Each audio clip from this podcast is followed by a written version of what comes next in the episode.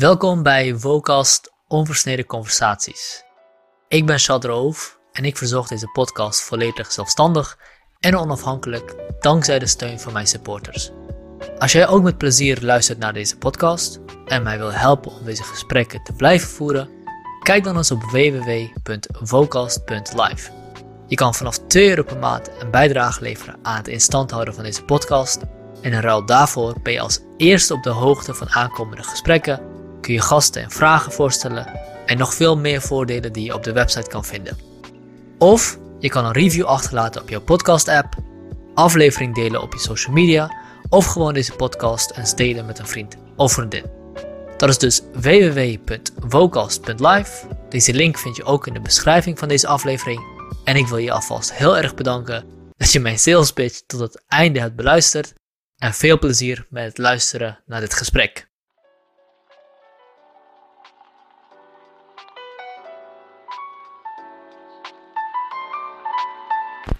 Welkom Geert.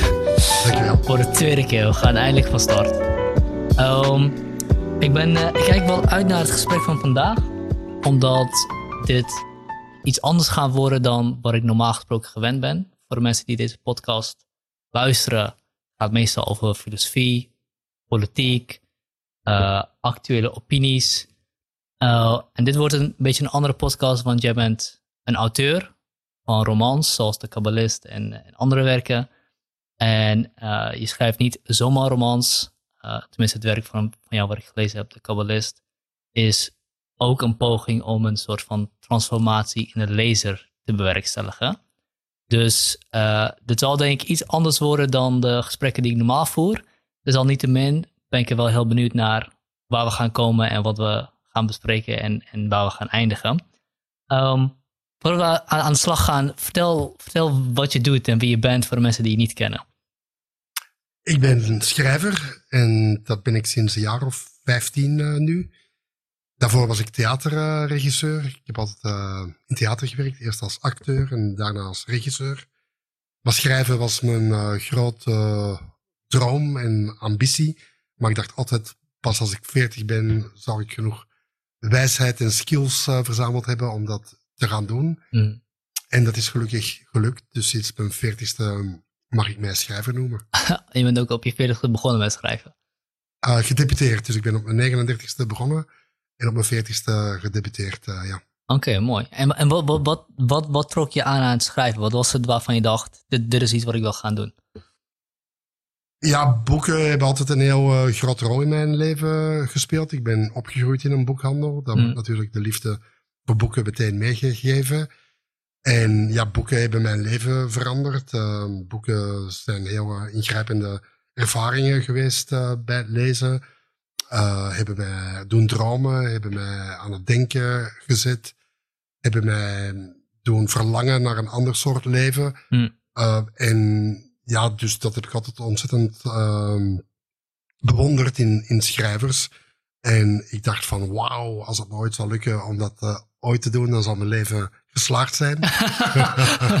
Daar ben ik inmiddels niet meer van overtuigd. Oh, dat, okay. dat, uh... dat, was inderdaad ik mijn volgende vraag. Is dat gelukt? maar ik ben wel heel blij dat uh, ik in elk geval een aantal boeken tot nu toe heb uh, kunnen en mogen schrijven. Ja. ja. En als je het over boeken die je hebben doen verlangen en die je hebben geïnspireerd? Wat, wat is een boek wat je dus echt geïnspireerd heeft? Dan denk ik vooral aan de boeken van Herman Hesse. Um, een, een, man die zo met golven heel veel gelezen wordt weer en dan weer in de vergetelheid uh, raakt.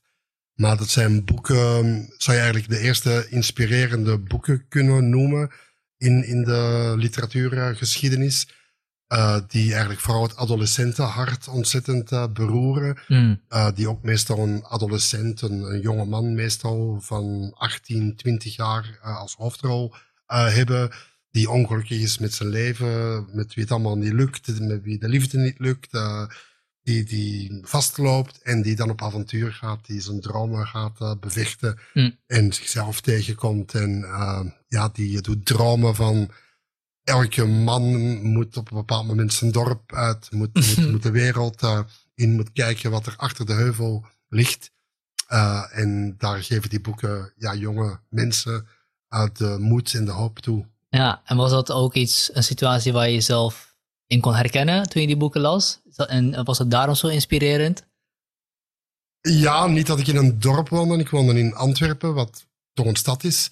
Maar toch uh, ook uh, ja, gevangen in, in, in mijn wereldje, in de Hmm. beperkte uh, omgeving die, die ik kende en, en, en meekreeg. En ook ik droomde van een wild avontuurlijk leven, van heel veel vrouwen beminnen, van uh, ja, grootse dingen neer te kunnen zetten. Ja. Uh, die dat allemaal ja, niet evident leken wanneer je als jongetje op een katholieke jongensschool um, je gefrustreerd voelt door alle beperkingen die erop gelegd worden. Ja, ja interessant, heel mooi.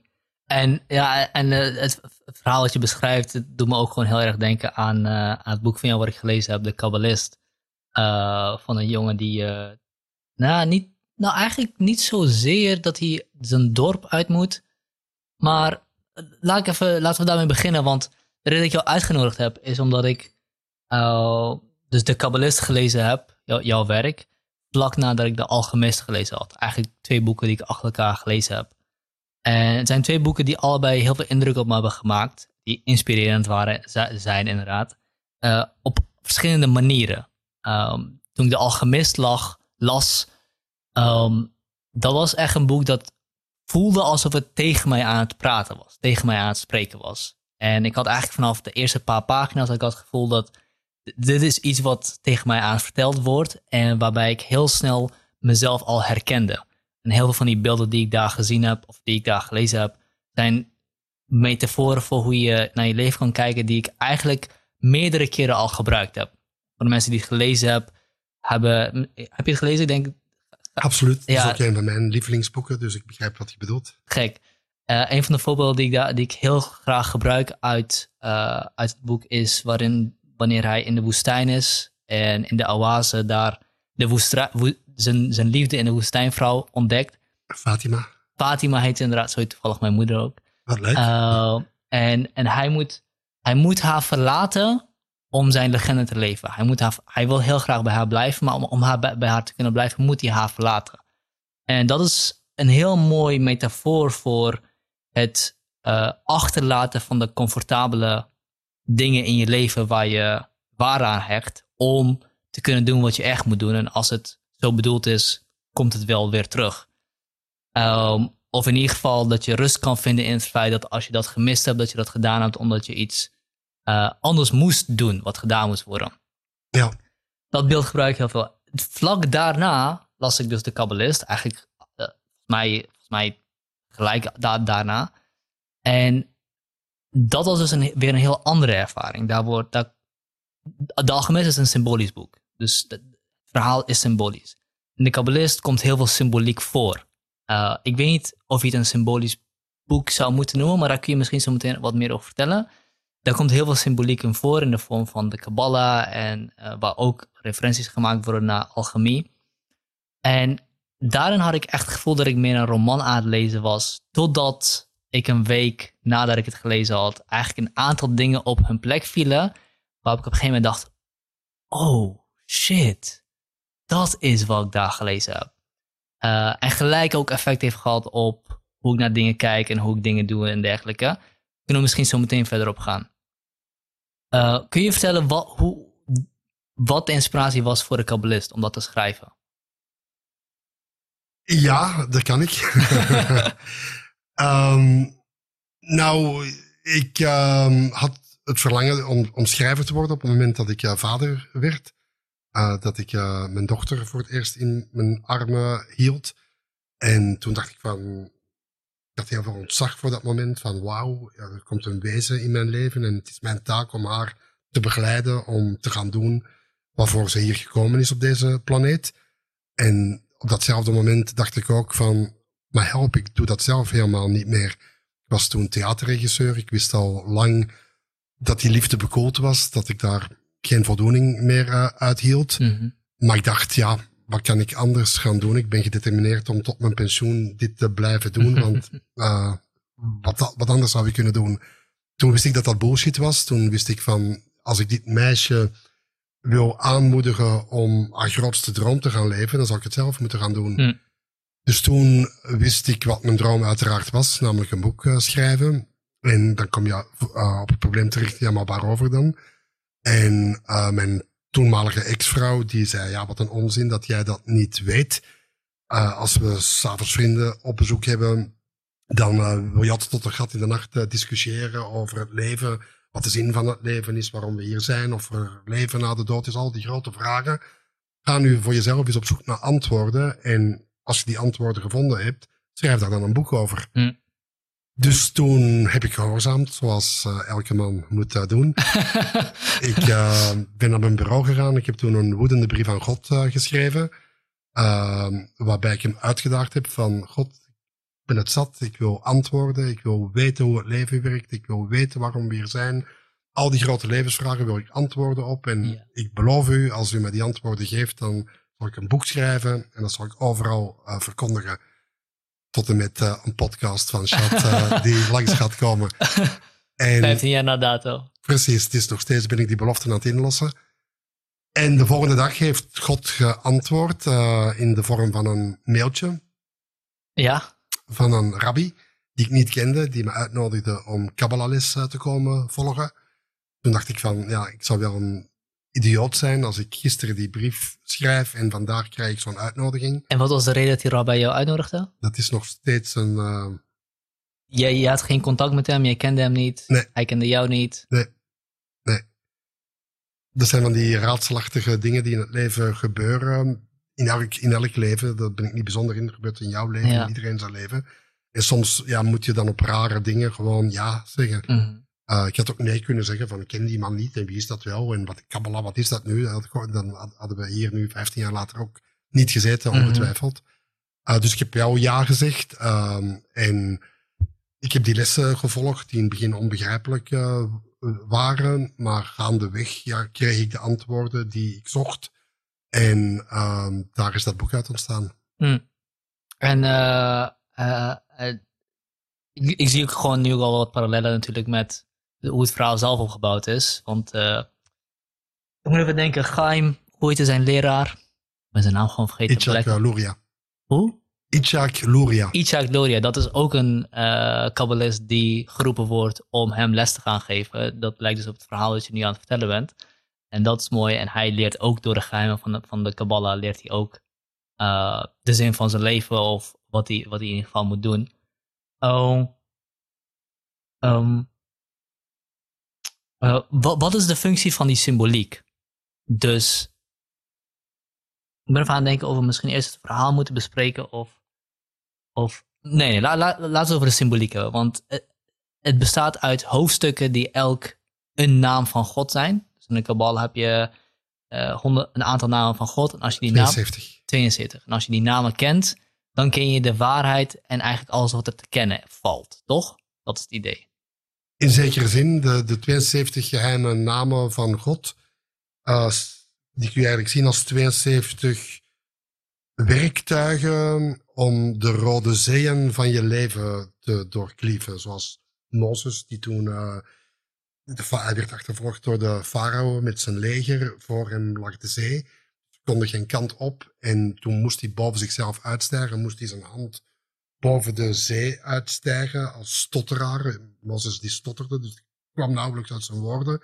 En de zee oproepen om, om te splijten, om, om uh, zijn weg te kunnen vervolgen met het uh, volk dat hem uh, volgde.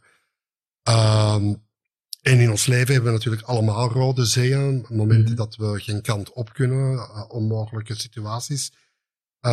waarbij we denken van, ik weet niet wat ik moet doen. En die 72 namen die staan eigenlijk voor 72 van dat soort rode zeeën. Uh, en dat zijn eigenlijk instrumenten die je kracht kunnen geven, een soort van mantras zou je kunnen zeggen, mm. om die zee te splitsen in, in je leven. En het wonderlijke, of het mooie vind ik zelf dan, is dat die 72 namen, die zijn ook verborgen in de drie zinnen in de Torah mm. van het verhaal waarin Mozes de zee splijt wordt in precies drie versen uh, beschreven, dat verhaal. Mm. En elk vers heeft 72 letters. En als je dus de eerste letters van die drie versen neemt, heb je de eerste geheime naam van God. Mm. De tweede, de tweede naam, tot en met 72. En dat is het esthetisch uh, geniale, wiskundige universum dat dus uh, in die Torah verborgen zit, uh, die code die daarin verborgen zit, Mhm. en waar dus kabbalisten hun wijsheden uithalen. Ja, maar en wat ik me dus altijd afvraag hierbij is hoeveel daarvan.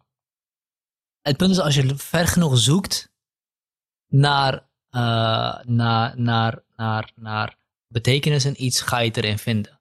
In, hoeveel, in hoever is symboliek iets wat je ontdekt en in hoever is het iets wat je erin plaatst? Of zou je zeggen, dat maakt geen verschil? Nou ja, dat is meer een vraag van geloof je het of geloof je het niet? Mhm. Uh, en ik zelf heb geen talent om, om te geloven. Ik ben, uh, uh, ja, Maar je stuurt wel een brief naar God. Dus hoe, zit dat dan? ja, ja een, een, een, was ook een uitdaging van bestaat u eigenlijk wel? Geeft u antwoorden? Um, en, en, maar dus over die code, ja, dat, dat, dat kun je geloven of dat kun je niet geloven. Ik heb inmiddels zoveel mooie um, verklaringen gezien uit die Torah. Um, Die kloppen in mijn beleving, in mijn onderzoek, voor mijn leven, voor hoe, hoe ik denk dat het leven werkt. Mhm. Dat het voor mij waar is. Maar ik ben de laatste die zal zeggen van, Gait, jij moet dat ook geloven. Uh, nee, dat, dat moet je zelf uh, onderzoeken voor jezelf als Ja. je dat de moeite waard vindt. Maar, maar, maar je begon deze zin met: Ik heb geen talent om te geloven. Maar, maar je gelooft het wel. Dus, of, of is dat iets anders? Of begrijp ik je verkeerd? Ja, het uitgangspunt van de Kabbalah is van je moet niets geloven wat je niet zelf onderzocht of ondervonden hebt. Hmm. Uh, en dus ik geloof in wat ik zelf onderzocht en ondervonden heb, maar dan is het natuurlijk geen geloof meer. Dan is het of ervaring of kennis. Hmm. Uh, maar die ervaring die is natuurlijk persoonlijk. Als ik iets ervaren heb, dan kan ik jou er wel vol gloed over vertellen. Dan kun je nog steeds denken, ja, leuk voor jou, maar ik heb die ervaring niet. Ja. Dus dat is persoonlijke kennis. En daarnaast heb je objectieve kennis, waarvan je, ja, je kunt over alles blijven discussiëren. En wat is uiteindelijk waar, dat kun je ook, jij met die filosofische programma, uh, podcast over vullen. Maar op een bepaald moment kun je wel één en één is twee kunnen we vaststellen. Dat is kennis. Ja. Uh, ja. Daar kunnen we gewoon uh, in principe het eens over zijn. ja. Dus, dus in die Kabbalah, of sorry, in het Kabbalah-leer ontdek je in de Torah allerlei uh, verbindingen tussen verzen die, uh, waarin bepaalde geheimen of mantra's verstopt zitten, verborgen zitten, die je helpen om die de Rode Zee in je leven do te doorklieven. Dat is, dat is het idee erachter. Nee, dat is alleen voor die drie versen. Maar die Torah die bestaat uit 365.000 letters ongeveer. ja. En al die letters die vormen een enorm cryptogram. Waarbij bijvoorbeeld de eerste letter van de Torah en de laatste letter van de Torah, die hebben ook weer een symbolische betekenis. Je kunt het diagonaal doen, je kunt het verticaal doen, je kunt het horizontaal doen. Dus het is een oneindig cryptogram. En dat is wat die kabbalisten dus al duizenden jaren lang generatie na generatie analyseren. En Ja. elke generatie vindt ook weer nieuwe betekenislagen. Ze zeggen zelf dat die Torah een ui is die zich afpelt en iedere keer komt er weer een nieuwe laag tevoorschijn uh, die dat geopenbaar wordt aan een nieuwe generatie. Mm. Wordt ook vergele- vergeleken met een bloedmooie bruid die gesluierd is, die, Mm. die, die je probeert te verleiden, die, die probeert te lokken van kom dichterbij en laat ze af en toe een stukje van haar gelaat zien en dan verbergt ze zich weer. En wij Een mensen tease. Het is een tease. De Torah is een ja, tease. ja, precies. Ja, daar wordt, uh, uh, en ook letterlijk, ik heb Kabbalah-vieringen meegemaakt in, in, in Londen bijvoorbeeld, waar, waar Madonna bij aanwezig was. En dan wordt er met die Torah, die op een rol zit, Ja. uh, wordt er gedanst door, door de mannen. En die wordt echt als een bruid behandeld. Als een hele aantrekkelijke vrouw die op hun schouders gedragen wordt. En ze dansen. En elke man probeert daar even aan te raken. En dan uh, gaat ze weer weg. Dus een heel sensuele, uh, mystieke beleving ook. En, en dat is wat me ook heel erg aanspreekt. Ja, amazing. Um, uh, dat idee van, van, uh, van, een, van een diepegaande waarheid, die in elke generatie eigenlijk opnieuw uitgevonden moet worden, of verdiept wordt, uh, dat trekt me heel erg en ik denk dat dat ook. ik denk dat dat ook. Dat, dat, dat daar heel veel waarheid in zit. Dat, we, dat er bepaalde algemene of universele of fundamentele waarheden zijn waar we niet omheen kunnen. Uh, maar dat elke generatie of elk leven misschien zelfs, elk mens of misschien elk moment, dat zich op een andere manier openbaart. Dat zich op een, openbaart op de wijze zoals dat nodig is of noodzakelijk is van de context waarin het openbaard moet worden. Ja. Um, dus, dus die connectie maak ik heel erg en die vind ik ook heel interessant. Wat denk ik voor mij de, de heikelblok is, is dat, dat de Torah zelf een historisch menselijk product is. Dus die is zelf de openbaring van een fundamentele waarheid op een bepaald moment in de geschiedenis, in een bepaalde context. Um, dus dan vraag ik me af, dat is dan die filosofische kant van mij, dan vraag ik me af in hoeverre hebben deze kabbalisten dan een, uh, inderdaad een historisch menselijk product ver, geuniversaliseerd. En dat is natuurlijk wat ik nu aan het zeggen ben, is, is het een idealisatie van iets? Een idolisatie. Is het, is het, ge, is het geïdoliseerd? Is dat het juiste woord? Is het een idool geworden? Is het Torah een idool geworden, ja of nee? Oké, interessante vraag, ja. ja. Um, nou, het is sowieso een idool geworden natuurlijk. Het is een heilig boek geworden. Mm. En heilige boeken zijn idolen, net zoals Maria-beelden of uh, ja, andere symbolen uit welk geloof uh, dan ook. Is ook de Torah een soort onaantastbaar product geworden. Um, maar doet dat af aan, aan de waarde? Maakt het mm. daarom de waarde minder? Dat, dat denk ik niet. En je kunt inderdaad vragen, waar komt die Torah vandaan? Is dat een goddelijk gedicteerd product uh, dat God aan Mozes gedicteerd heeft. Mm. Uh, en daardoor een soort van bepaalde code in zich draagt. Of is het door mensen met een uh, hoge inspiratie op papier gezet, waardoor die code er daadwerkelijk in zit. Mm. dat, ja, dat, dat weet ik niet. En, en de meer wetenschappelijke historici die zullen natuurlijk zeggen van nee, het zijn gewoon een aantal boeken die ooit samengesteld zijn. Mm en die nu die Torah vormen. En dat doet denk ik iets te kort aan, aan, aan de waarde ervan. Hm. Um, ik geloof zeker niet in een God met een grijze baard die aan Mozes letter voor letter die Torah uh, gedicteerd heeft. Maar ik denk wel dat het geïnspireerde boeken zijn. Hm, hm, hm, ja, ja, ja, ja. Interessant. Um, het verhaal in het boek zelf, de Kabbalist, dat, die vind ik, dat, dat, daar gebeurt ook daar gebeuren ook interessante dingen. Ehm, ehm, en met name wat ik het interessant vind is, is of tenminste wat, wat op mijzelf persoonlijk het meeste effect heeft gehad, is Gaims worstelingen met zijn zonde, zijn grootste zonde. En 15 jaar na dato, ik denk dat we wel kunnen vertellen wat er aan de hand is. Tenzij jij zegt, nee, dat mag echt niet. Waarschijnlijk herinner je me aan nieuwe dingen, want ik heb hem 15 jaar niet gelezen. Dus denk ik van, oh, staat, dat, staat dat erin? nou, eh, dus, dus wat er gebeurt is dat je begint met, met, met het begint met dus met Gaim die zichzelf wijs maakt dat, hij een dat het een ongeluk was. Dat de dood van zijn vader een ongeluk was. En eigenlijk weet je gelijk al dat het natuurlijk geen ongeluk is. En dat is, uh, dat is de, crux van het verhaal. Dat, dat je gelijk weet dat dat een ongeluk is, maar dat Geheim uh, dat niet durft te zeggen. Dus niet durft te accepteren. Uh, wat natuurlijk iets is wat we allemaal doen. We weten allemaal wat we fout hebben gedaan of de, slechte dingen die we doen. Maar we proberen dat te verhullen of ons wijs te maken dat het niet echt is wat er echt gebeurd is. Of we kijken ervan weg. En dat doet hij ook. Ja. En pas op het einde van het boek kan hij, uh, kan hij zeggen wat hij al weet. Hij kan dan echt zeggen: Ik heb mijn vader vermoord doordat ik uh, door een gevecht met hem en, en dergelijke. En um, nou, elk kind moet op een gegeven moment zijn vader vermoorden. In de zin dat hij zijn ouders moet overstijgen. Uh, dus de, onder dat juk, onder die schaduw vandaan komen. Dus symbolische dood.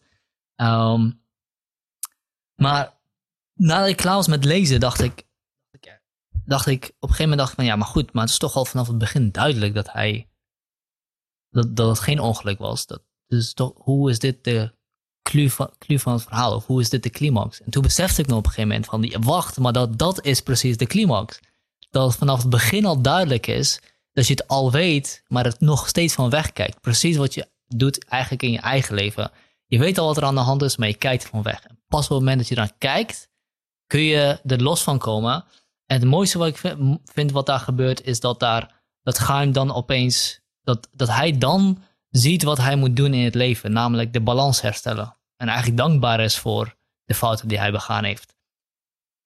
Enorme, enorme mindfuck en vereisen voor mij een hele wisseling van, uh, van mezelf en, en, en, en kijken naar dingen die ik, uh, die ik ook natuurlijk in het verleden gedaan heb en dergelijke. Wat ik me afvraag is, uh, hij vertelt op een gegeven moment als eerste vertelt hij het aan zijn moeder. Vertelt hij wat er, wat er wel gebeurd is. Vertelt hij de waarheid. En die hangt zichzelf op. Die, die, die, die pleegt zelfmoord, want ze kan de waarheid niet aan. Wat is het idee daarachter? Dat, dat, dat begrijp ik niet. Wat is het idee erachter dat hij eerst eerlijk is, maar dat, zijn moeder, dat dat het leven van zijn moeder kost? Ja, nu ga je echt heel, heel erg in, in, het boek. Um, en, en waarom ik dat zo geschreven heb, dat, uh, dat weet ik niet meer. Uh, in algemene zin kan ik wel zeggen wat jij ook zegt, van dat we allemaal onze geheimen met ons meedragen. En dat we allemaal die proberen te verhullen, proberen te verantwoorden uh, waarom we gedaan hebben wat we gedaan hebben. Want niemand wil, als hij in de spiegel kijkt, van zichzelf zeggen: Ik ben een mens die het leven niet verdient en die in en in slecht is. Dus je probeert uh, te leven met je misstappen uh, in je leven, maar zolang je ze niet erkent en er niet mee aan de slag gaat, ja, zul je, zullen ze je blijven opjagen, zul je er achtervolgd door uh, blijven. Uh, dus je moet daarmee in terreinen komen. en je hebt ook gelijk, ja, elke man in elk geval moet denk ik op een bepaald moment de vadermoord plegen. Hm. Moet op een bepaald moment onder die schaduw uitkomen. En moet ook zijn moeder durven loslaten. Misschien is dat nog wel een grotere uitdaging voor mannen dan hun vader uh, ontstijgen. Mm uh, omdat we in elke vrouw, als we hetero zijn tenminste, uh, onze moeder weer zoeken. Mm. En ook al denken we dan dat we onze moeder achter ons gelaten hebben, dan zoeken we een nieuwe moeder in onze vrouw of in onze vriendin. Mm. En ehm, als het goed is, dan als het een wijze vriendin is, dan confronteert zij ons daar vroeg of laat mee. en dan is het spook dat we daar hebben achtergelaten, staat ineens uh, levend en wel voor Als het een wijze vriendin is, confronteert ze ons daarmee. Het feit dat, dat je dus in haar je moeder probeert te vinden. Ja, ja. ja, ja. Tenminste, dat is... Uh, ja. dat, dat is uh, nee, dat doet me denken aan... De reden gezegd, dat doet me denken aan, aan wat andere werken van, van... over het feminine en het masculine en hoe die met elkaar interacten. Uh, en dat, dat de feminine krachten in de wereld uh, erop toegericht zijn de masculine krachten te wijzen op wat ze verkeerd doen en dat soort dingen. Of verkeerd doen, of in ieder geval te wijzen op de manieren waarop ze zich verlogenen, zoiets, denk ik. Dan, dan moest ik even aan denken toen je dat zei. Als je een wijze vriendin hebt, dan vertelt ze je dat, je eigenlijk haar moeder zoekt, je, je moeder zoekt in haar. Ja, ik denk dat inderdaad een vrouw een soort van poort naar bewustzijn is voor een man. Vaak dat uh, de spirituele ontwikkeling van een man vaak begint wanneer hij een vrouw ontmoet die bereid is hem uh, ook te omhelzen natuurlijk in alles mhm. wat hij is, maar ook uh, confronteert in alles wat hij is. En dat daar dan onze toch begint en uiteindelijk zullen we het zelf moeten doen, want anders gaan we weer een haar opkagen. Dan lost dat voor mij op. Dat is natuurlijk niet de bedoeling. Maar zij kan wel onze liefdevolle gids zijn om ons op dat pad te zetten. Mm, mm, interessant. Um, dus, dus Gaim en zijn moeder. Uh, dat was, ik onderbrak je toen je daarover aan het vertellen was. Wil die daar nog iets over vertellen? Ja, jij vroeg waarom dat zij zelfmoord uh, gepleegd heeft toen ze dat bericht ontvangen, toen, toen ze dat gehoord had. Dat, dat, dat antwoord moet ik je echt schuldig blijven. Toen je aan het vertellen was, viel me net, net iets te binnen wat een mogelijkheid zou kunnen zijn. En dat is misschien en dit, dit is, ik heb ooit, ooit een serie gekeken, een, misdaadserie, en daar kwam een rabbi in voor die vreemd ging. En eh, de zoon vroeg, waarom heb je mij dat nooit verteld? En de rabbi vertelt een verhaal over uh, dat er een uh, man is die bakstenen in zijn tuin heeft. Elke dag gooit hij één baksteen bij zijn buurman. en op een dag loopt hij op, in de, langs het huis van zijn buurman en valt hij op zijn eigen baksteen ik, ik weet niet zo goed waarom, waarom die twee dingen nu allemaal samenkomen. Mooi. Uh, maar uh, uh, misschien was het omdat Gaim op dat moment niet, niet, niet, toen hij het zijn moeder vertelde, niet de last wilde dragen van wat hij gedaan had, maar het eigenlijk op haar wilde plaatsen. Mooi. Van draag dat alsjeblieft voor mij, want ik kan niet, ik kan niet handelen. Mooi. Prachtige verklaring. Ja, dat, dat, dat, dat is wat me te binnen schoot. Maar dat, zou, dat is natuurlijk ook interessant, hè? want er is natuurlijk verschil, het verschil tussen, tussen vertellen en, en, en, en tegen je zonde aankijken en andere mensen ermee belasten. Ja, ja, ja zoals vreemd gaan. Van, kun je zeggen van, goh, ik vertel het je toch, dus dan Ja. ben ik van de zonde verlost. Maar dan leg je het probleem natuurlijk bij de ander, want die moet daarmee dealen. Ehm, dus wat is inderdaad ehm, de waarde? Waarom deel je iets? Is dat inderdaad om, om ervan af te zijn? Of is het om verantwoordelijkheid ervoor te nemen? Hm. Dat is iets wat we ons ook altijd moeten afvragen, denk ik. En wat is het verschil daartussen? In praktische zin. Ehm, nou, dat, dat het niet klaar is door eh, iets op te biechten. Hm. Dat, dat kan een stap zijn, maar belangrijk is natuurlijk eerst er zelf uit te leren. Waarom heb ik dit gedaan en hoe ga ik, als je ervan overtuigd bent dat dat niet goed was, hoe ga ik dat vermijden om dat weer te doen? Eh, en hoe kan ik die schuld inlossen? Hoe kan ik de personen die ik beschadigd heb daarmee ehm, ehm, in gebreken stellen of eh, vergoeden Mhm. voor wat ik eh, gedaan heb. En hoe kan ik het naar mezelf ook weer helen. dat ik daar ehm, mezelf weer in de spiegel kan, kan kijken. En dan pas kun je gaan kiezen van wat de zin er eventueel van is. Om iets te gaan opbiechten of, of je daar de schade groter mee maakt. Eh, of dat je iemand ook de kans geeft, bijvoorbeeld in, in geval van vreemdgaan, dat je iemand de kans inderdaad ook geeft van ik heb dit gedaan, waardoor jij kunt kiezen of je bereid bent om wel of niet met mij verder te gaan, om Ja. mij te vergeven of niet. Ja, ja.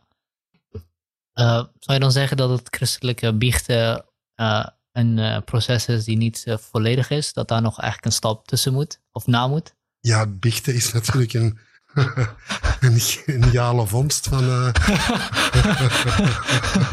van onze kerkvaders. eh, dat ja, eigenlijk natuurlijk, denk ik, nergens op, op slaat. Maar ja, het heeft wel, wel wat goed gebracht, omdat het is heerlijk toch? Van, je kunt moorden begaan, je kunt overspel plegen, je kunt alles doen wat God verboden heeft.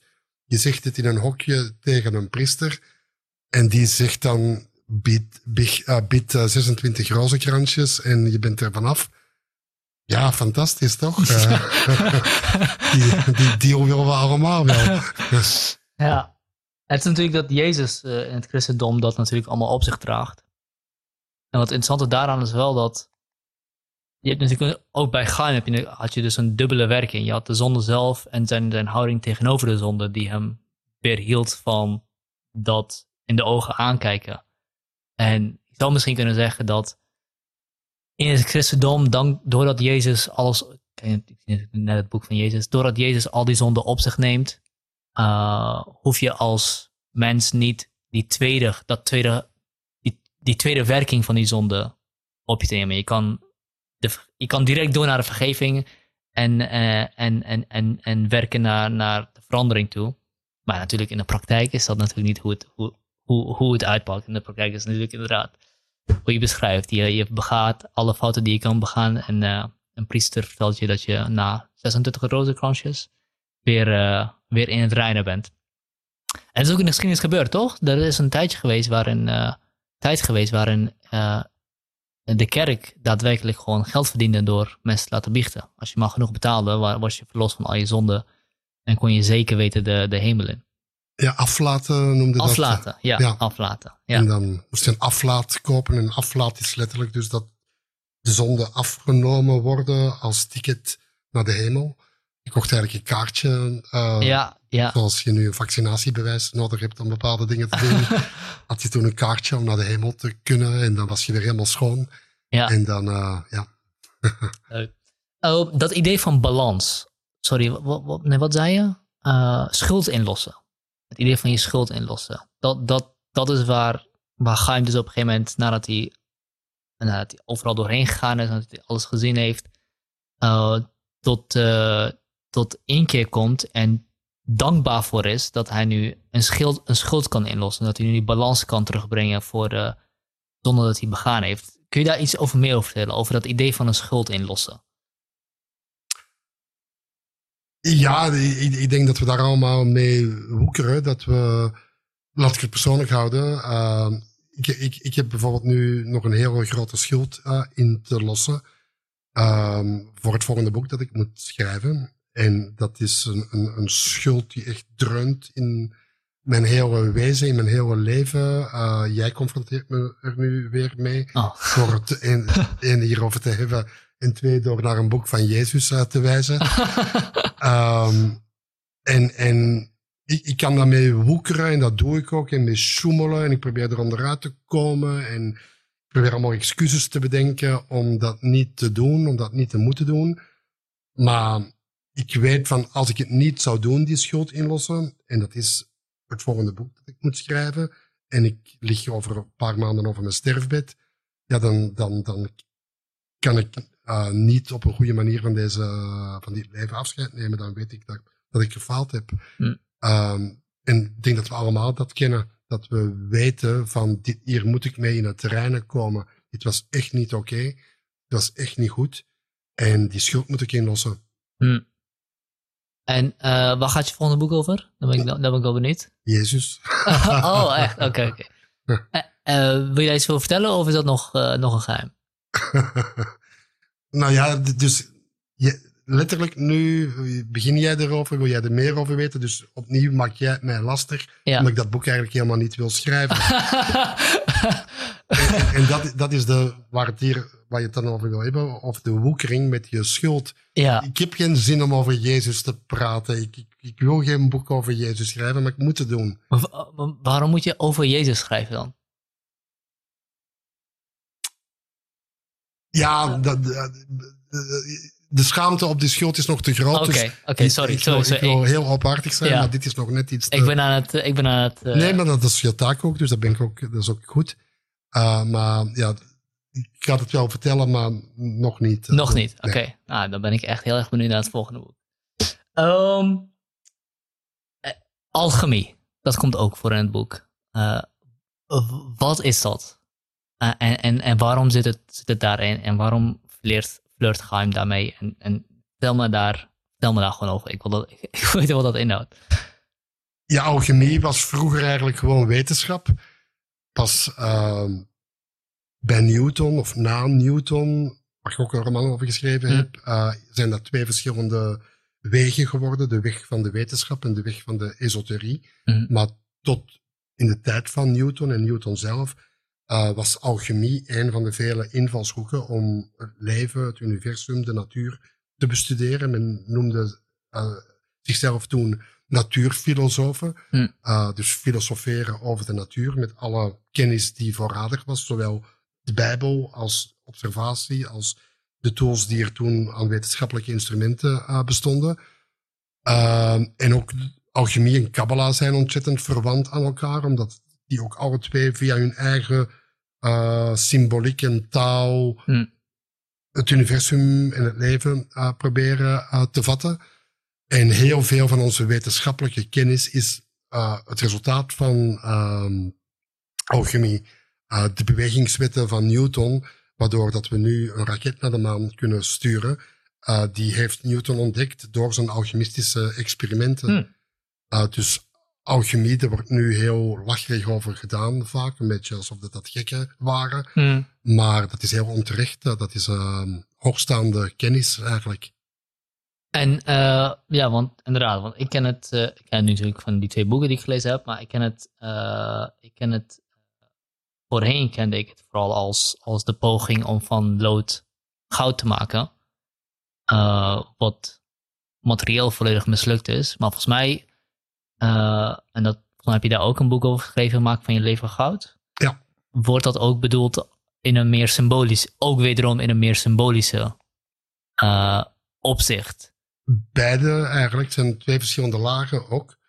Toch letterlijk, ze probeerden echt goud te maken. Ze deden heel veel experimenten met smeltkroezen, uh, met allerlei chemische processen, uh, fermentatie, calcinatie, coagulatie, allemaal processen die nu ook gewoon in de industrie gebruikt worden, die de Mhm. alchemisten eigenlijk uitgevonden hebben om stoffen te doen transformeren. Distillatie is allemaal alchemistische uh, processen.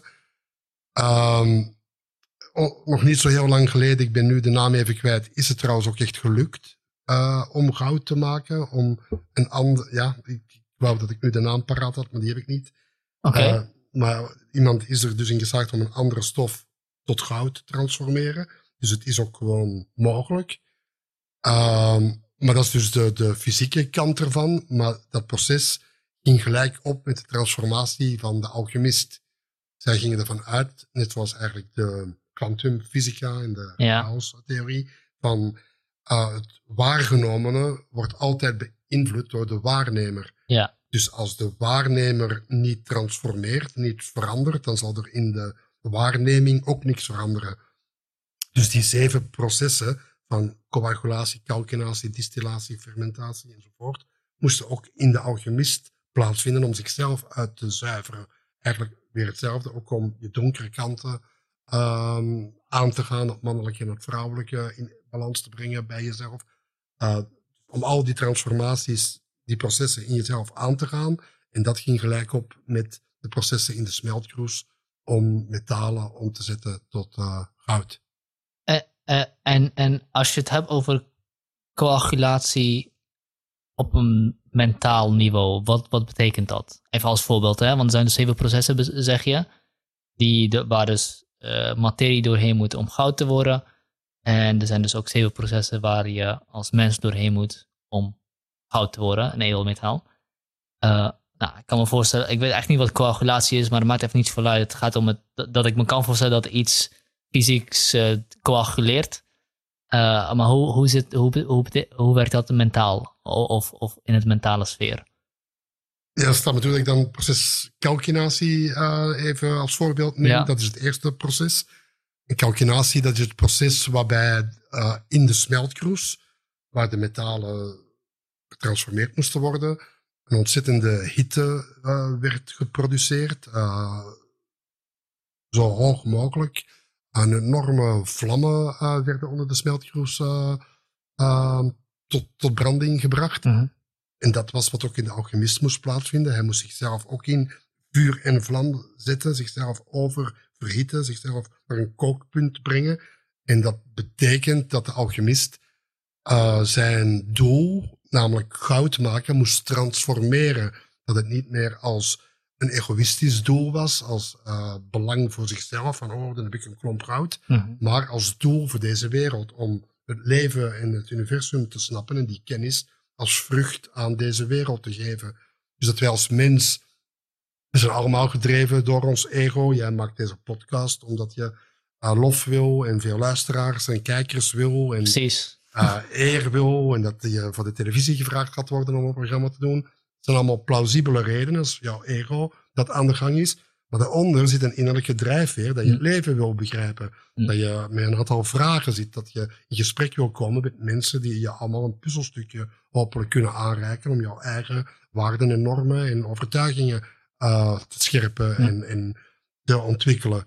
Uh, en dat deel je met je kijkers, met Ja. je luisteraars. Dus je doet dat niet alleen voor jezelf. Maar hopelijk, het gesprek dat wij hebben, inspireert nu iemand die zit te kijken naar uh, ons. Dat is eigenlijk het proces van calcinatie. Hm. Uh, als jou alleen om jouw ego te doen was, dan zou je hier nu de hele tijd heel intellectualistisch allemaal uh, interessante boutades opdreunen. zou je niet nieuwsgierig zijn, zou je niet open zijn om, om ja, wat deze vent allemaal maar vertelt tegen jou serieus te nemen. Ja, ja, ja. Uh, dus dat is eigenlijk zit je in het proces van calcinatie. Ah, te gek, te gek. En wat is het volgende proces? Ja, je vraagt allemaal oude, oude, oude Oh, ik, vraag oude kennis. dingen. Dan moet ik, zou ik mijn boek er even moeten bijnemen. Volgens mij is het tweede proces distillatie uit mijn hoofd. Um, um, en, en distillatie is een proces waarbij uh, uh, ontzettend de, de, de stoffen ge- gezuiverd worden, ge, Ja, uh, met heel veel water schoongespoeld worden. ja. En als je dat dan vertaalt naar onszelf, uh, dan is het het proces van uh, te leren vertrouwen op de stroom, eenmaal dat je op dit pad zit. Dus dat je je doel uh, hebt verbonden met een hoger doel, dat het niet meer een ego-gedreven doel is. Zodra je dat helder hebt, dan, dan gaat het leven met je communiceren en kom je in een flow terecht. En dan kom je ineens allemaal um, tekenen teken van het leven. Uh, waarbij het leven met jou gaat communiceren. Zoals in mijn geval kreeg ik een mailtje van een rabbi die uh, mij heel veel te brengen had. Dat wist ik op dat moment niet. Ja. Maar ik moest erop vertrouwen van dit zou wel zin hebben. En zo krijg jij natuurlijk ook allemaal tekenen, rare verzoekjes, ra rare ontmoetingen op de tram of, of uh, dat je ineens een stukje in de krant leest. Dat jouw leven een totaal andere wending kan nemen. Dus het hele leven gaat dan communiceren. En taak is dan om open te staan, om, om daarnaar te luisteren, om hoe dwaas het ook soms lijkt, Mm. uh, dat te doen. Als straks hier in Bodegraven een man je aanspreekt en zegt, kom jij eens mee? Uh, dat hij dan niet zegt, wat is dat voor een rare vent? Maar dat uh, aan te gaan. En misschien heeft hij inderdaad een schat voor jou. Ja. Oh, dat is natuurlijk, dat is natuurlijk de, het beginstuk van de algemeen, Ja. waar die door een koning ontmoet wordt. Ja. Um, ja, het grappige, het interessante is dat, uh, dat ik gewoon herken wat je zegt. Um, een van de dingen die veranderd zijn is dat ik uh, veranderd is, is dat ik dingen die ik doe veel meer zie als een als inderdaad het terughalen van een balans. Of het, of, of het rechtzetten van een balans. Ik, uh, uh, ik ben sinds een aantal weken. Ik ben al, altijd best wel een sloddervos geweest. Oh, nee? Een sloddervos geweest. Okay. Dus ik, ik, was gewoon heel makkelijk in dingen weg neer, neerleggen. Ik, ik, ik, kon wel opruimen, maar het maakt me niet zoveel uit. Sinds een paar weken ben ik dat niet meer aan. Ben ik, ben ik juist heel erg veel aan het opruimen. Dat mensen eigenlijk aan het kijken zijn en zeggen: Wat ben je aan het doen? Ja, opruimen. Hoezo? Het is al schoon. Ja, nou, het kan nog schoner. En uh, ik ben me gewoon ook aan het. Het verschijnt ook aan mij als. alsof ik inderdaad recht aan het zetten ben. wat ik al jaren heb laten. Uh, laten verslonzen. Letterlijk laten verslonzen. Dus ik, ik, ik herken heel erg wat je zegt. Dat bepaalde dingen in je leven tekenen lijken. of. of. Of een kans zijn om een schuld in te lossen. of. of, of iets dergelijks. En dat is vreemd is dat dat gewoon enorm vertrek is van, uh, van mijn normale. Uh, nihil, niet per se nihilistisch, maar materialistische. Ook wel nihilistische en uh, chaotische wereld, blik op de wereld. Waarin zulke tekenen of dingen die aan jou verschijnen aan jou verschijnen omdat je denkt dat ze op die manier aan je verschijnen. Dus je maakt je eigen wereld. En dat is ook helemaal niet anders dan, iets anders dan wat je nu zegt. De vraag is alleen, uh, uh, accepteer je die dingen daadwerkelijk als tekenen of, of kijk je ervan weg en rationaliseer je het? Kijk je, kijk je er objectief naar en zeg je dat dit is een toevalligheid, laat maar zitten, ik ga verder met mijn eigen pad. Of kies je ervoor om het te zien daadwerkelijk als een als iets wat op je pad komt, wat je verder kan helpen met dan wel iets in het verleden, dan wel iets iets wat voor je te wachten staat in de toekomst. En dat zijn twee, twee manieren om naar het geheel te kijken die tegenstrijdig lijken, maar het ook niet per se zijn. Want het is allebei. Het is de acceptatie dat, dat, dat het objectieve niet. Uh, misschien niet hoeft te zijn. Niet, dat objectief gezien niet hoeft te zijn zoals jij het ervaart, maar dat dat geen verschil maakt. Want er zijn twee, twee verschillende stromen van uitleg twee verschillende manieren van, van begrijpen wat er gebeurt. Does that make sense? ja, natuurlijk. Ja, ik, ik, ik, het is mooi dat, dat, dat je voor jezelf dat proces uh, helder maakt. En uh, het maakt, denk ik, inderdaad niet uit of je luistert naar de tekenen of niet. Je wordt niet gestraft als ja. je het niet doet, behalve ja, dat je jezelf toch een beetje straft. Of je je proces vertraagt, hoe dan ook. Maar je kunt elk moment weer op de rit komen. En Mm. elk moment weer ervoor kiezen om, om open te staan, aan te staan. En, en ook niet natuurlijk elke dwaze splinter die op je pad komt achterna te lopen. Uh, maar te voelen. En dat is voor ons mannen dikwijls lastig om, om, om te voelen. Nou ja, ja. Maar Zeker. als je, uh, ja, je voelt meteen of iets waardevol is of niet. Mm. Uh, en je kunt dat gevoel ook heel snel onderdrukken, want het is nooit luidruchtig. Het is altijd wel iets zachts. Mm -hmm. uh, dus je moet al een soort zachtheid in je hart maken om, om, om het toe te laten. Mm. En dan voel je iets van, oh, dit triggert iets in mij, dit raakt iets aan mij. Dan denk je dat je altijd ja moet zeggen. En sommige dingen die, ja, die triggeren niet en, en uh, daar hoef je niks mee te doen, denk ik. Mm, mm. Dan, dan toch, toch kritisch erop in. Waar. Oké, het zijn tekenen. Oké, je, komt, je komt tekenen tegen in je leven. Waar komen die vandaan? Overal vandaan. Uit mailtjes, uit, uit ontmoetingen, uit de radio. Nee, nee, ik begrijp dus dat je gebeurtenissen als tekenen ervaart. Uh, maar wat ik me voorstel bij een teken is dat dat uh, erin gelegd is. Dus een teken is iets wat uh, door, door iemand ergens in, zoals in een verhaal iets een teken kan zijn. Of, okay, dus of, of een gebouw een teken van iets kan zijn. Je bedoelt dat het achteraf pas betekenis krijgt doordat je er een betekenis aan geeft? Bijvoorbeeld, en, en als het een teken is, dan moet er, dan kan, dan, dan, kijk, als je, uh, als je in een, in een wereld leeft met, uh, met geesten en goden en dat soort dingen, dan begrijp ik dat er tekenen kunnen zijn. Maar als je daar niet in leeft, dan begrijp ik niet hoe er tekenen kunnen zijn. Oké. Oké. Ik, ik, ik, wil je wel uitleggen hoe dat ik daar... Heel graag. in sta, maar niet om je te overtuigen. Nee, maar, nee, maar het, het, is ook zo... Uh, ik vraag het ook niet om overtuigd te worden. Ik vraag me... Uh, uh, ik probeer te begrijpen wat voor wereldbeeld erachter zit die dit mogelijk maakt. Je wat ik bedoel? Ja. Ja. Oké. Okay, um, nou, ik vroeg me altijd af waar onze ziel zat. Mm. We, we hebben zeker spirituele mensen hebben het voortdurend over hun ziel. En, en, maar er is nog nooit wetenschappelijk een ziel uh, uit een lichaam gehaald. Dus ik had altijd iets van. En als katholiek jongetje heb ik meegekregen dat een ziel dat dat een soort van witte lint ergens was Mhm. in onszelf. En iedere keer dat we iets slechts deden, werd er een stukje zwart. Mm. Dus je moest maar zorgen dat dat op het eind niet helemaal zwart was, want dan ging je naar de hel. Dat het zo wit mogelijk bleef. Maar dat is natuurlijk een kinderlijke um, uh, beeld. Um, tot mijn huidige vrouw, Michelle, uh, op een bepaald moment zei: ja, wat een onzin dat jij denkt dat je ziel, dat die in jou zit. Je ziel die zit helemaal niet in jou, die, die wordt omringd door de ziel en daar kun je op intappen. De ziel moet je zien als de intelligentie van het universum waar je op in kunt tappen. En wat bedoelde ze daarmee? Zij mediteert al haar hele leven lang en bij meditatie richt je je op de pijnappelklier. Uh, helemaal centraal in onze hersenen. Een heel bijzonder uh, or orgaantje waar je letterlijk mee kunt intappen op de wijsheid van Mm. het universum. Dat is geen spiritualiteit, dat is wetenschap. Wanneer je in verhoogde staat van concentratie bent, wanneer je geïnspireerd bent, wanneer je in flow bent, dan staat die pijnappelklier aan.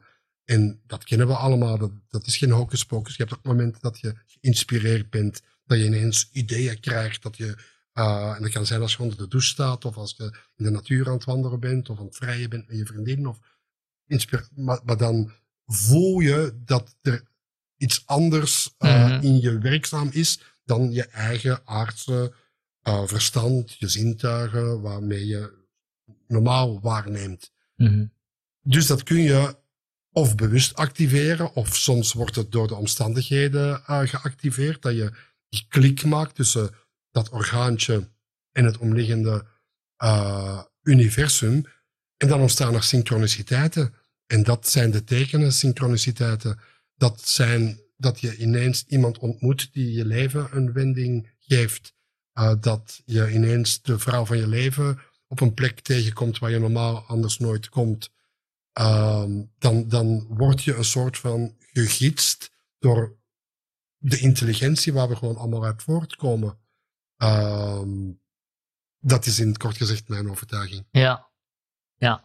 En, en uh, de pijnappelklier komt ook al bij Descartes trouwens voor. Ja, Uh, de zetel van de ziel. de zetel van de ziel, van, uh, die heeft dat verschil tussen, dus, tussen, tussen, je lichaam, tussen je lichaam, wat een mechanisch machine is, uh, en je, niet je ego, maar je, je mentale ik, wat je dus eigenlijk bent.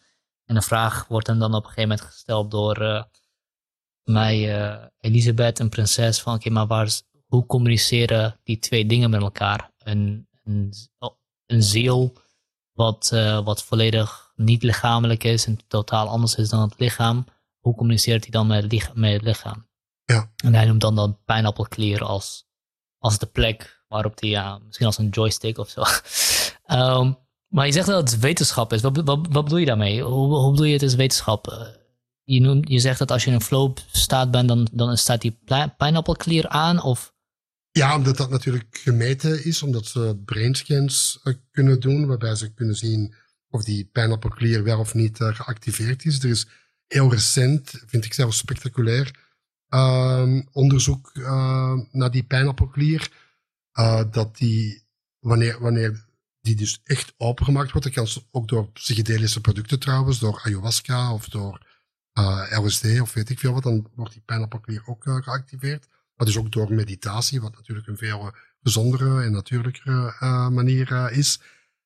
Dat er DMT vrijkomt. En DMT is een hormoon dat verantwoordelijk is bijvoorbeeld voor bijna doodervaringen, voor visioenen, hm. voor buitenzintuigelijke ervaringen. Ehm, ja, dat is dus gewoon wetenschap. Dus dat hormoon ook door de pijnappelklier wordt uh, serotonine uh, aangemaakt, wat het geluksgevoel verzorgt, waardoor je beter voelt, happy voelt, mm. blij bent. Uh, melatonine wordt aangemaakt in de pijnappelklier. en dus zelfs als je blind, dus de pijnappelklier die reageert op het licht, als het uh, s'avonds donker wordt, dan, dan scheidt de pijnappelklier melatonine uit, waardoor we moe worden en willen gaan slapen. En s ochtends, wanneer het licht wordt, wordt geactiveerd waardoor dat we zin hebben om aan de dag uit te beginnen. Maar die werkt zelfs bij blinde mensen, die geen uh, licht uh, met hun ogen ontvangen.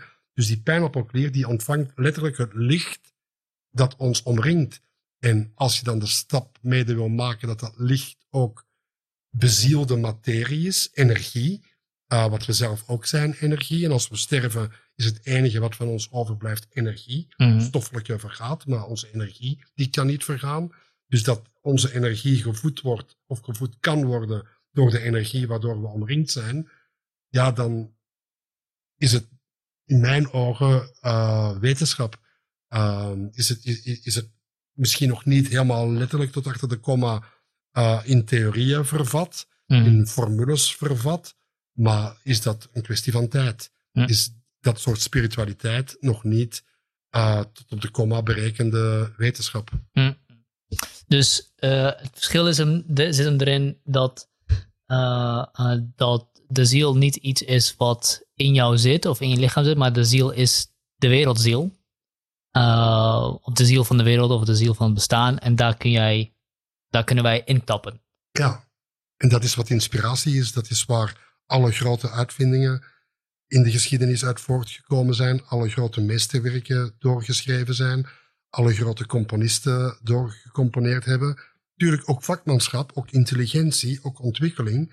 Maar elke grote uitvinder, schrijver, componist, whatever, zou altijd het ook over die flow hebben. Dat moment van inspiratie. Hmm. Dat niet wetenschappelijk te beschrijven moment dat je ineens boven jezelf uitstijgt. Hmm. Maar niemand krijgt dat zomaar cadeau.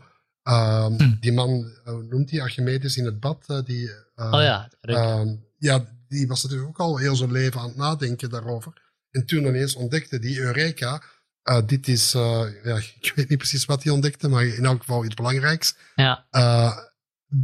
dat is inspiratie en dat is in tune zijn met het leven, in tune zijn met de kosmos. Ja, ja, dat is, dat is natuurlijk iets wat inderdaad heel veel auteurs en, en, en denkers en dergelijke zeggen. Dat vooral in de kunsten, denk ik, meer dan, dan in filosofie en wetenschap. Alhoewel dat ook natuurlijk bij echte geniale momenten. Dat het niet iets is wat ze bedenken, maar dat het iets is wat, ze, wat, wat ergens vandaan komt. En zij moeten het alleen maar opschrijven of maken of, of whatever. Dus dat is inderdaad, uh, denk ik, wel een bekend iets. Um, maar hoe herken je... Ja, wat je zeggen? Nou ja, ik denk ook wetenschappers, Einstein zelf, zijn beroemdste uitspraak is denk ik ongeveer van je kunt op twee manieren naar het leven kijken of niks een wonder is, alsof alles een wonder is. Ja. Uh, dat is gewoon de instelling waarmee je leeft. Je kunt alles, ja, betekent niks. Dan niemand, ja, zou je dat kunnen betwisten. Je kunt aan niks betekenis geven. En dan gebeuren er natuurlijk ook geen wonderen. Ja, ja, ja, inderdaad. Um, hoe herken je dan het verschil tussen, tussen een teken of een dwaling. kan natuurlijk heel vaak denken dat iets een teken is. Of dat, dat, dat, het, dat hetgene wat je nu ziet, dat is wat je wilt. En daar, die fout maken natuurlijk heel vaak dat we dingen nastreven die we eigenlijk helemaal niet willen. En op het moment dat we er zijn, realiseren we ons wel. Dit is echt uh, dat ik hier zoveel voor gezocht heb. Uh, bij een teken zou dat niet, niet het geval moeten zijn. Een teken zou je altijd moeten leiden naar datgene wat je echt vervult. Denk ik, toch? Oké. Uh, hoe herkennen we dan het verschil tussen een teken en een dwaling? Ja, nou ja, dat is denk ik voor een man moeilijker dan voor een vrouw. Uh, omdat wij vaak moeite hebben met te voelen, mm. met ons hart te openen, met, met, met uh, een open hart naar de wereld uh, te kijken. En dan is het niet moeilijk, dan, dan is dat een, net zoals je pijnappelklier een navigatieinstrument is, is je hart dan ook een navigatieinstrument dat je voelt, dit voelt goed, dit klopt, of dit, dit, dit voelt niet goed. dus eigenlijk in wezen is dat heel eenvoudig, maar voor ons mannen uh, is dat vaak heel lastig. Maar, maar wacht even, maar als het als voor vrouwen veel makkelijker is, waarom, waarom kunnen vrouwen dan ook net zo goed of enorme dwalingen meemaken als, zij dan, als hun hart dan wel open is? Dat is een goede, goede vraag. Ik denk ook, uh, klinkt niet zo vrouwvriendelijk dan, maar dat, uh, vrouwen er ook in kunnen overdrijven en alles als een gevoel kunnen interpreteren. Ja. Uh, waardoor ze een beetje verdrinken, denk ik, in de gevoelens. Mm. Uh, waardoor, ja, wat voor ons mannen gewoon niet leefbaar zou zijn om bij alles iets te voelen. En, en um, dus ja, ik, ik, het, het, het, vraagt een soort van balans vinden, denk ik, in, in, in, in je oprechte de beat van je hart. Mm. Uh, dat je, toen ik dat mailtje kreeg, had ik geen twijfel. Ik, ik wist dat ik daarop moest in, gaan. Moest gaan. Ja. En, en ik heb meerdere tekenen gekregen waarvan ik wist dat ik erop in moest gaan. En op andere momenten voel ik me ego gedreven. En dan weet ik dat eigenlijk ook wel. Maar dan probeer ik dat toch een beetje voor mezelf. Nee, nou, ik voel echt wel dat ik dat moet doen. Maar weet ik eigenlijk. Probeer er onderuit te komen. Ja, dan, dan sjoemel je met je eigen ja, ja. Uh, overtuigingen. En dat voel je eigenlijk ook wel. Ja, ja ik, ik begrijp je hoor. Want ik weet, ik weet wel. En ik, er komen ook gewoon voorbeelden in me op waar, waarvan ik weet dat ik uh, op momenten daadwerkelijk inderdaad dan een teken gevolgd heb. Of, of vanuit, uh, vanuit een interne drijfveer gehandeld heb. Of vanuit een ego-idee van nou, het is misschien eigenlijk toch niet zo heel goed wat ik ga, wat ik ga doen, maar misschien levert het me wel wat op. Ah, ik heb het waarschijnlijk fout. Het, het, het is heel goed wat er nu gebeurt. Dat is, dat is goed. Um, en uh, ik vraag ook natuurlijk door en vraag naar een antwoord, naar, naar, naar een soort van praktisch antwoord of handleiding. Maar wat jij hier aan het vertellen bent, is niet. Het is wel praktisch, maar het is op een andere manier praktisch. Het is niet een mechanisch iets, sta, volg stap A, stap 1, stap 2 en 3 en 4 en dan, en dan heb je het gehaald. Het is letterlijk precies wat je zegt. Uh, je hart als, als navigatieinstrument gebruiken en voelen of je uh, tekenen ziet of dat je aan het dwalen bent. Um, nou en eigenlijk is het erg dat dat niet als concreet gezien of ervaren wordt, want eigenlijk is het super concreet natuurlijk. Mm. En klopt het ook? Je bent ook in omstandigheden geweest dat je je per definitie niet veilig voelde. Dat je voelt, dit klopt niet, dit voelt niet goed, dit, dit hier wordt. Uh, en waarschijnlijk, als dat gevoel sterk genoeg was, heb je er ook naar gehandeld, ben je weggegaan. Of, hm. uh, en omgekeerd ook, heb je ook ervaren van wanneer je wel absoluut voelde, yes, een heel ja in jezelf voelde. Alleen wordt ons dat afgeleerd. Ja. Uh, er wordt onnozel over gedaan van ja, slaat dat nu op? Ik voel dat ik dit moet doen of ik voel dat ik dit niet moet doen. En, en daardoor schamen we ons erover en proberen we andere verklaringen, rationele verklaringen te vinden. En dat is gewoon de wijsheid van ons lichaam. Hm. Dat verstand is prima, daar kunnen we heel goede dingen mee doen. Maar dat hart is ook fantastisch. En die pijnappelklier is fantastisch. En, en als we ons lichaam als een instrument durven te eren en ernaar te luisteren, is het helemaal niet vaar. Hm. Ben het denk ik wel met je eens. er is, er is ook een stroming in, in New Age spiritualiteit die uh, deze ideeën luisteren naar je lichaam en, en dergelijke. Een soort van verbasterd in de zin dat het een, uh, dat een, dat het een manier wordt om, uh, om materiële welvaart te vergaren. Dus leren, leren je laptop te manifesteren of je droomhuis te manifesteren en dat soort ideeën. En dat voelde altijd als een soort van ja, iets, iets heel erg wat dan gaat wringen, wat, uh, waarvan ik denk, ja, maar dat, dat is niet het idee erachter. Dat je nog steeds die dingen die je helemaal niet nodig hebt, dan jezelf helemaal daarop gaat richten en daar jezelf voor gaat, gaat inzetten. Um, dus ook, ook in dat idee van volg je hart uh, zitten ook allerlei, uh, um, hoe noem je dat? Laten we zeggen, wolven op de weg die je probeert te vertellen wat je hart is. Wat, wat het is dat je hart eigenlijk wil, wat helemaal niet het geval is. Dus een soort van parasieten die, die op een idee inspringen en dat, dat, dat willen gebruiken voor, voor een eigen gewin of om je, om je van je pad af te zetten. En inderdaad ook leren we tegelijkertijd ook uh, als we opgroeien om vooral niet naar onszelf te luisteren. Eerst je opleiding afmaken, eerst je studie afmaken. Zorg maar dat je een baan hebt. Uh, zorg dat je veilig bent. Zorg dat je comfortabel bent. En dan mag je daarna wel even gaan kijken of, uh, of je iets kan doen wat misschien ergens op lijkt. En voordat je daar eenmaal aangekomen bent, ben je volledig verstomd van elke gevoel inderdaad die je zou kunnen hebben. En uh, ben je zo gedisciplineerd in de regels die er zijn en, en aardig zijn voor andere mensen en, en dergelijke, dat je maar jezelf laat leven uh, door alles wat je vergaard hebt. Ja. Um, dus er is een soort van is een soort van balanswerk tussen, tussen, tussen, tussen daadwerkelijk inderdaad luisteren naar, naar wat je lichaam je dan zegt in dit geval, tekenen die je krijgt.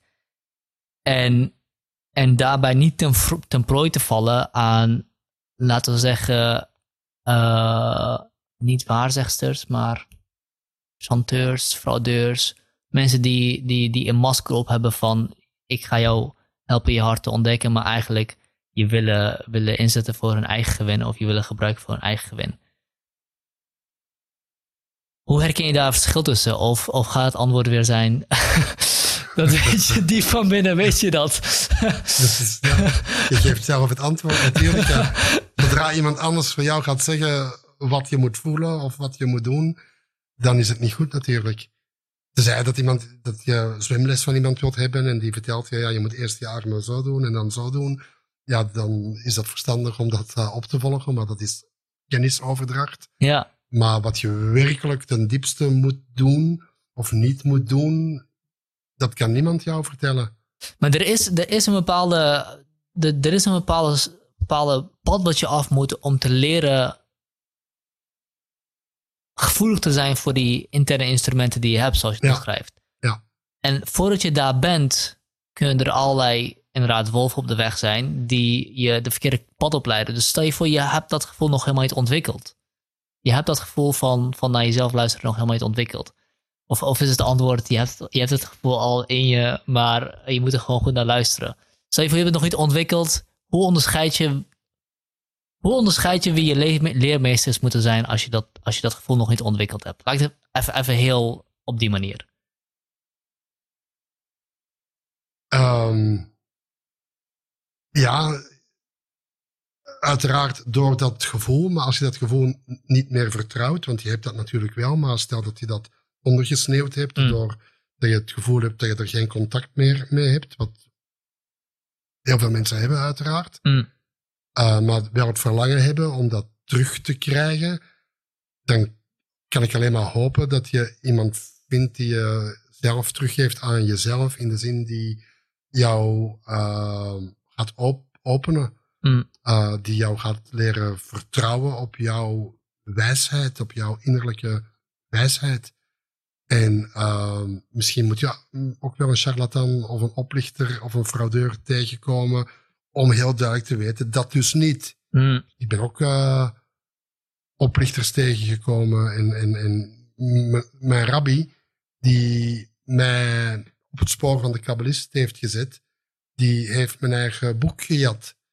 die heeft mijn boek onder zijn naam uitgebracht. Die, daar heb ik mee moeten strijden in de rechtbank om mijn eigen boek terug te krijgen. Dus maar ik ben hem eeuwig dankbaar. Daardoor heeft hij me ook in mijn kracht gezet. Daardoor heeft hij mij doen voelen hoe belangrijk dit boek voor mij was. En dat ik wilde dat er geen enkele discussie mogelijk zou kunnen zijn dat het echt wel mijn boek was en niet zijn boek was. Hmm. Maar hij heeft me alle hoeken van de kamer uh, laten zien. Uh, dus ook slechte leraren hebben, hun, hebben, hebben, hebben zeker hun, hun betekenis. Hmm. Het is echt een autobiografisch boek. De Kabbalist. En historisch, want dat het is ook uh, echt op historische feiten gebaseerd. Maar het heeft zich in mijn eigen leven herhaald en voltrokken. Ja, ja. mooi. Um, is er nog iets wat we moeten bespreken, volgens jou? We kunnen nog uren doorgaan, uh, maar ik... Uh, wil, jij, wil jij nog iets vertellen? Mijn vragen zijn op. Ja, vragen zijn op. Okay. tenminste, er is altijd een punt... Ik, ik, ik heb het gevoel dat we nu een goede goede eindstation hebben bereikt en een goed, goed climax van het verhaal. Uh, maar als jij nog uh, een addendum hebt of een epiloog, dan, dan, dan graag. Ik ben even benieuwd voor mezelf. Ik, wellicht weten jouw uh, kijkers dat, maar ik niet. wat jouw achtergrond is, want je, je weet veel over christendom, je weet, bent het interesse in het jodendom.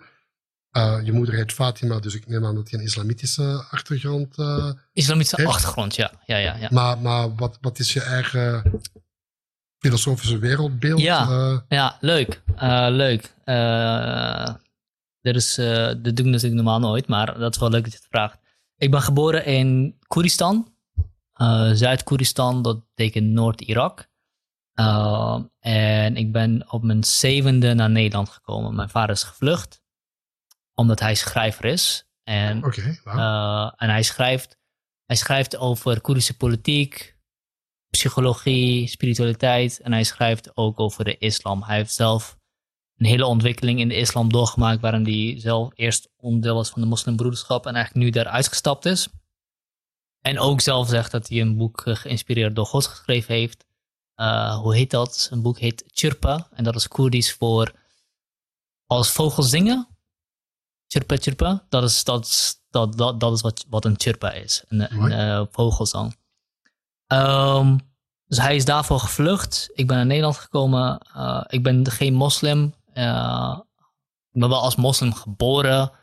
Eh, ik heb ook de Ramadan al een paar keer meegedaan, maar ik heb nooit dat gevoel gehad van een geloof of een god of iets dergelijks. Wat dat betreft ben ik enorm atheïstisch en materialistisch. Eh, nou, toen ik zeven was, zijn we naar Nederland gekomen. Eh, hier ben ik grotendeels opgegroeid in Sittard. En ik heb filosofie gestudeerd op de universiteit. Bachelor en master. Eh, dat is een beetje waar ik, waar ik vandaan kom. En in mijn, wat, ik, wat ik een beetje altijd gedaan heb, is eh, zoeken naar, eh, naar, naar, naar, naar wat waar is. Ik weet niet hoe ik het, anders moet zeggen. Ik heb heel veel gestruggeld in mijn middelbare schooltijd met, met verbasteringen van realiteit. Dat, dat gevoel had ik. Als ik dingen deed waarvan ik dacht, dit, dit hoor ik niet te doen. Of ik zou eigenlijk een baan moeten nemen. Of ik zou eh, voor comfortabel moeten gaan. Of ik zou eigenlijk een relatie moeten hebben en dergelijke. Dat waren, voelde altijd alsof het een verbastering was van wat ik eigenlijk wilde doen. En het liefste wat ik eigenlijk wilde doen was gewoon gaan. Gewoon ergens heen gaan. Gewoon weggaan. Daar heb ik, heb ik heel veel mee gestruggeld. En ehm, wat ik nu doe, vooral, is... Ik, ik ben eigenlijk gestopt met mijn werk na mijn, eh, na mijn opleiding. Omdat ik een groep jongens tegenkwam die iets aan het doen waren wat geweldig was. En ik ontmoette hun toevallig. eh, wederom. En toen ik eigenlijk wegging, dacht ik... Alles in mijn lichaam zei, ik moet mijn baan opzeggen en ik moet met deze jongens aan de slag gaan. Want wat zij doen is geweldig. Niet per se datgene wat ze aan het doen zijn, maar de manier waarop ze het aan het doen zijn. Vrij, onbekommerd, maar keihard werken. En dat is waarvan ik dacht, dat is hoe het hoort. Niet van 9 tot 5 in een kantoor zitten en mijn tijd letterlijk aan iemand anders geven. Dat is, dat is het gevoel wat ik had toen ik op een kantoor zat. Ik had het gevoel dat mijn tijd weggegeven werd aan iemand anders. was gekmakend. Ehm, toen ben ik met hun gaan werken. Volgens mij, een jaar, anderhalf jaar, is grandioos misgegaan. Eh, heeft me enorm veel tijd gekost. heeft me enorm veel geld gekost ook. maar het maakt niet uit, want ik was aan het doen wat ik moest doen op dat moment.